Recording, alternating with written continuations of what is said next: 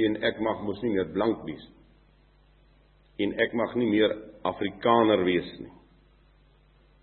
Dit was verbode om die Sabbat of die voorvaderlike feeste te vier.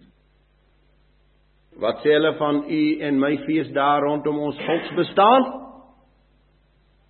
Wat sê hulle van gelofte dag en ek praat van die teoloë? Dit word gevaarlik om te weet wat jy is. Met brute geweld is hulle na die offermaaltyd gesleep wat maandeliks op die koning se geboortedag plaasvind en op die fees van Dionysius is hulle gedwing om met klimopranke deel te neem aan die optog vir Dionysius. Jy sien hulle is gedwing om afgodsdienaars te word. Wil u vir my sê dis erger daardie tyd as nou of in hierdie tyd as daardie tyd dis toe hierdie profesie vervul is waarin die tempel ontreinig is en die gruwel in die tempel opgerig is en hulle varke geoffer het in daardie tempel van God Jahwe in Jerusalem. Die heidene het dit gedoen.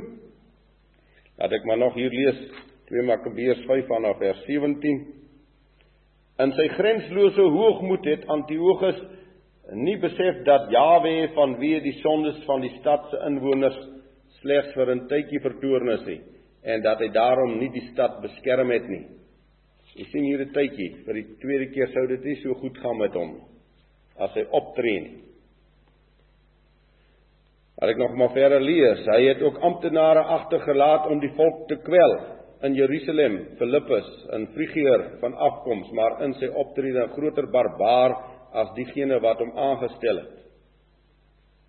Hy het die aartsbooswig Apollonius met 'n leer van 22000 man gestuur met die opdrag om al die volwasse manne om die lewe te bring, maar die vroue en die jonger manne te verkoop.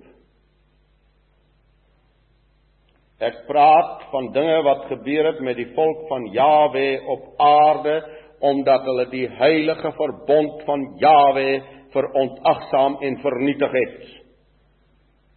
En in die prysgawe van God Jahwe is daar geen antwoord in die mense plan of in die mense optrede nie. Ek herhaal.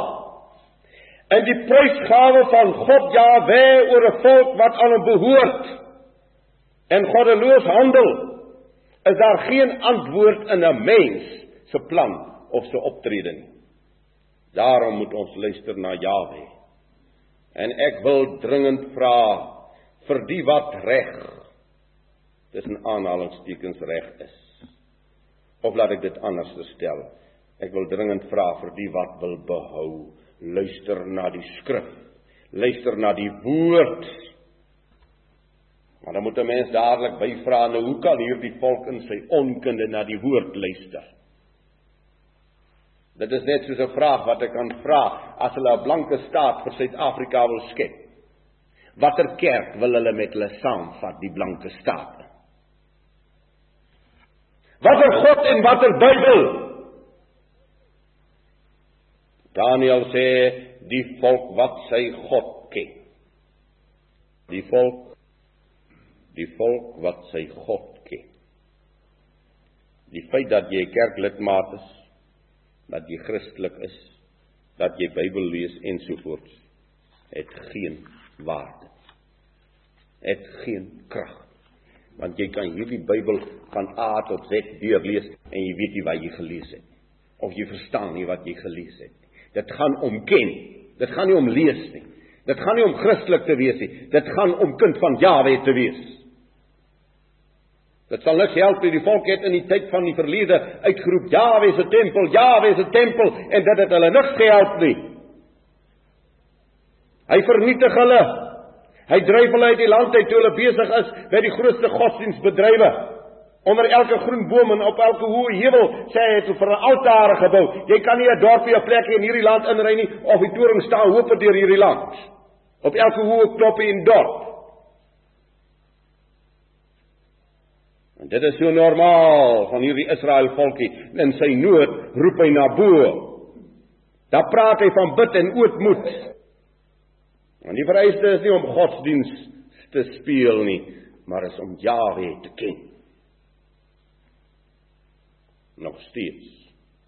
Ondanks die duidelike strawwe van ons Vader, gaan ons voort. Gaan hierdie volk voort met hulle self.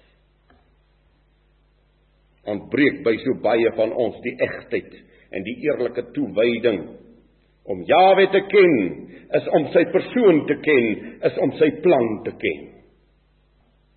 Kom ons kyk net so vinnig. Vir wie aanbid u en ek vanmôre? Ek lees van sy liefde. As ek hom ken, moet ek hom ken in sy liefde. Ek kan maar luister. 1 Johannes 4 vers 9 Hierin is die liefde van God tot ons geopenbaar dat God sy enige gebore seun in die wêreld gestuur het sodat ons deur hom kan lewe. Nie dat ons God liefgehad het nie, maar dat hy ons liefgehad het en sy seun gestuur het as 'n verzoening vir ons sondes. Sy liefde. Sy aangrypende liefde vir hierdie volk. As ek hom ken, dan ken ek hom in sy liefde. Paulus skryf dit so mooi in Romeine 8. Baie bekend vir ons. Hy wat self sy eie seun nie gespaar het nie, maar hom vir ons almal oorgegee het, hoe sal hy nie saam met hom ons ook alles genadiglik skenk nie? Wie sal beskuldiging inbring teen die uitverkorenes van God? God is dit wat regverdig maak. Wie is dit wat veroordeel? Die Messias is dit wat gesterf het, ja meer nog wat ook opgewek is, wat ook aan die regterhand van God is, wat ook vir ons intree. Sy liefde sy selfprysgawe. Ag ek haal net so hier en daar 'n ou teksversie uit Kolossense 2 daarso vanaf vers 13 en julle wat dood was deur die misdade en die onbesneedheid van julle vlees het hy saam met hom lewend gemaak deurdat hy julle al die misdade vergeef het. En die skuldbrief teen ons wat met sy insettinge ons vyandig was uitgedelg en weggeruim het deur dit aan die kruis vas te naal. Sy selfprysgawe. Sy liefde sy selfprysgawe sy nederigheid hy kniel in daardie nag van gevangenskap. Dan kniel hy by die voete van sy disippels. En hy was hulle voete die hoë koning van die heerlikheid. Hy was die vuil voete van hierdie sondaars. Aangrypend in sy nederigheid Die Bybel sê hy het homself ontledig. Hy het die heerlikheid verlaat en hy het vlees geword. En hy het alles alles wat hierdie volk oor die eeue gedoen het, het hy op homself geneem en hy het die skuldbrief geword aan die vloekings. Sy ontferming sy wonderlike ontferming in Matteus 18 vers 3 sê hy baie duidelik wanneer hy praat en sê as jy nie soos 'n kindjie word nie, sal jy die koninkryk nie beerwe nie. En in hierdie ontferming nou ontferm hy hom oor sy kindertjies. Hy tel kleintjies op sy skoot en hy sê aan hulle behoort die koninkryk. Dis vir hom beter dat 'n meelsteen aan sy nek gehang word en hy wegsink in die diepte van die see, hy wat een van hierdie kleintjies van my laat struikel. Sy magtige ontferming